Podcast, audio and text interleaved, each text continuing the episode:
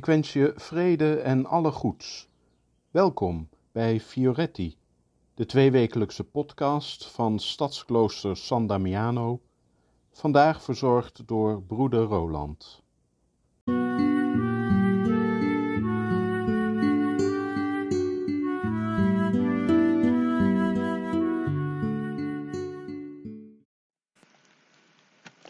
Je hebt soms van die woorden waarbij je niet direct een gevoel hebt. Ik merkte dat laatst toen ik de leefregel van, uh, van Clara las, die net als Franciscus voor een evangelisch leven in armoede koos.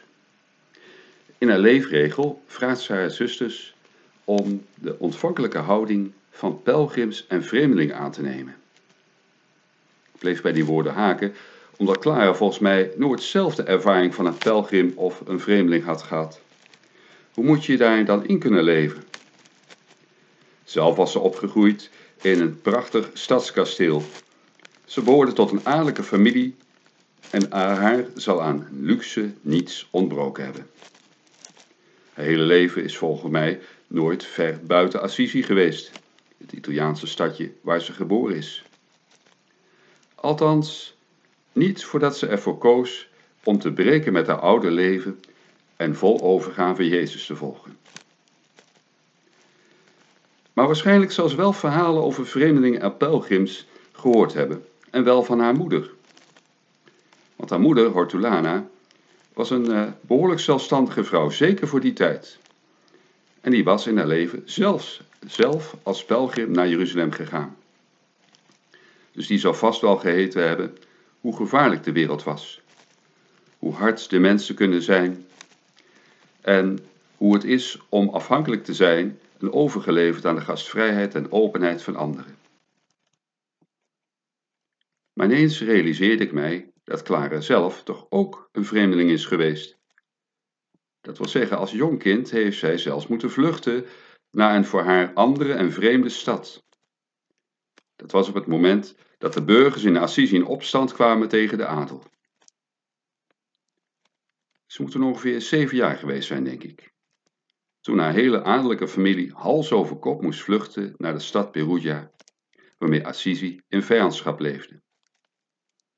Pas na vijf jaar zou ze weer uit Perugia terugkeren met haar familie naar Assisi. Ik vermoed dat in die periode haar moeder Hortulana als een leeuw voor haar kinderen heeft gezorgd. Want als geen andere wist ze hoe gevaarlijk het leven kan zijn als je in een stad leeft waar je zo weinig mensen kent en waar je overgeleverd bent aan de grillen van de machthebbers. Want ze waren weliswaar opgevangen, maar dat was vooral omdat ze geld hadden en omdat die stad Perugia door de vluchtelingen te steunen hun eigen politieke en economische invloed kon versterken. Clara zal dat ook wel gezien hebben. Of anders zal haar moeder haar zeker geleerd hebben dat ze van geluk mocht spreken, dat ze deel was van een rijke, adellijke familie, die voor Perugia van belang was. Ze hadden naam, ze hadden aanzien en ze werden erkend.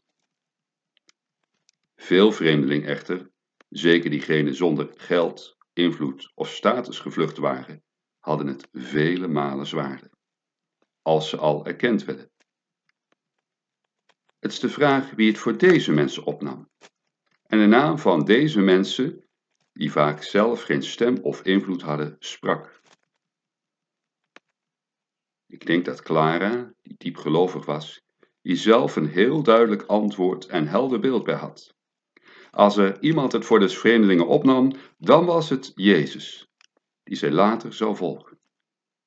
Jezus maakte zelf in het evangelie duidelijk dat al wie een vreemdeling opneemt, hem opneemt.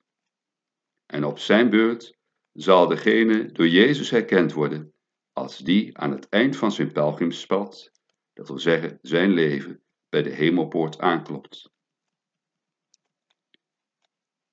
Clara moet door haar vlucht bij het woord vreemdeling zelf een gevoel en zelf een gezicht voor ogen hebben gekregen. Als je weet hoe het is om vreemdeling te zijn, dan zul je nooit meer abstract en onbewogen over de vreemdeling kunnen spreken en denken. Het woord vreemdeling in de reefregel van Clara kwam bij mij weer boven toen we in ons stadsklooster ons voorbereiden op de jaarlijkse Dag van de Vluchteling.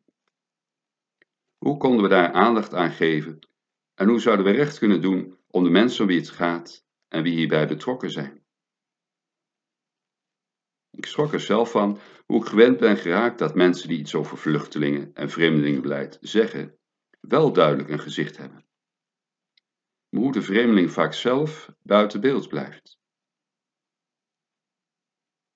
Ik herinner me nog goed de foto uit 2015 in de krant van een peuter op het strand van Turkije. Op het eerste gezicht leek het of het lief lag te slapen in een foetushouding.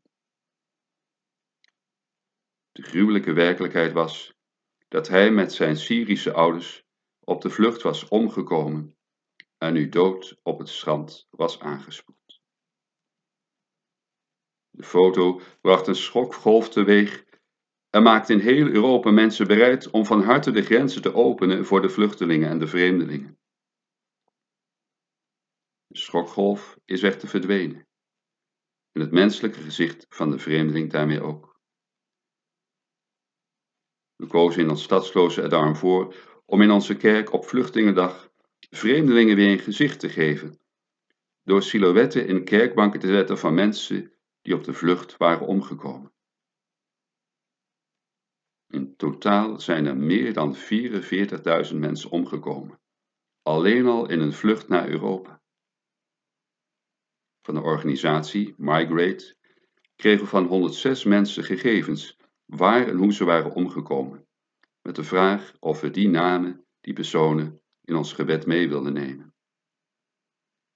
Van velen was de naam niet bekend. Lichamen waren gevonden in de zee, op strand, soms in de bergen, opgesloten in een container, langs een weg, of uit angst om teruggezet te worden, dood in een cel of tent in een vluchtelingenkamp. Op Vluchtelingendag nemen wij en mensen in de kerk plaats naast deze mensen, om hen niet te vergeten, om te realiseren dat ze hier levend hadden kunnen zitten, dat wij voor deze volwassenen, ouderen, kinderen kunnen bidden, maar ook hun een stem kunnen geven. Om net als Clara het gevoel toe te laten wij zijn ook vreemdeling. En voelen ons ook soms vervreemd in deze harde maatschappij. En dat we nooit gevoelloos mogen worden, maar altijd blijven zoeken, ook als samenleving, om de vreemdeling, die vluchtelingen, in Gods naam een plek te blijven geven in ons leven. Dat we nooit vergeten dat ook wij vreemdeling en pelgrims op deze aarde zijn.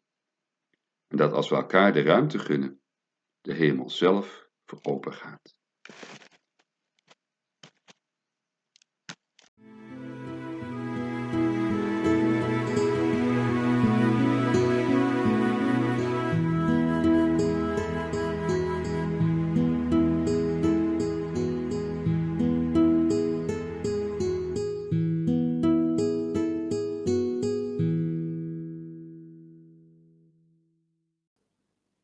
Bedankt voor het luisteren.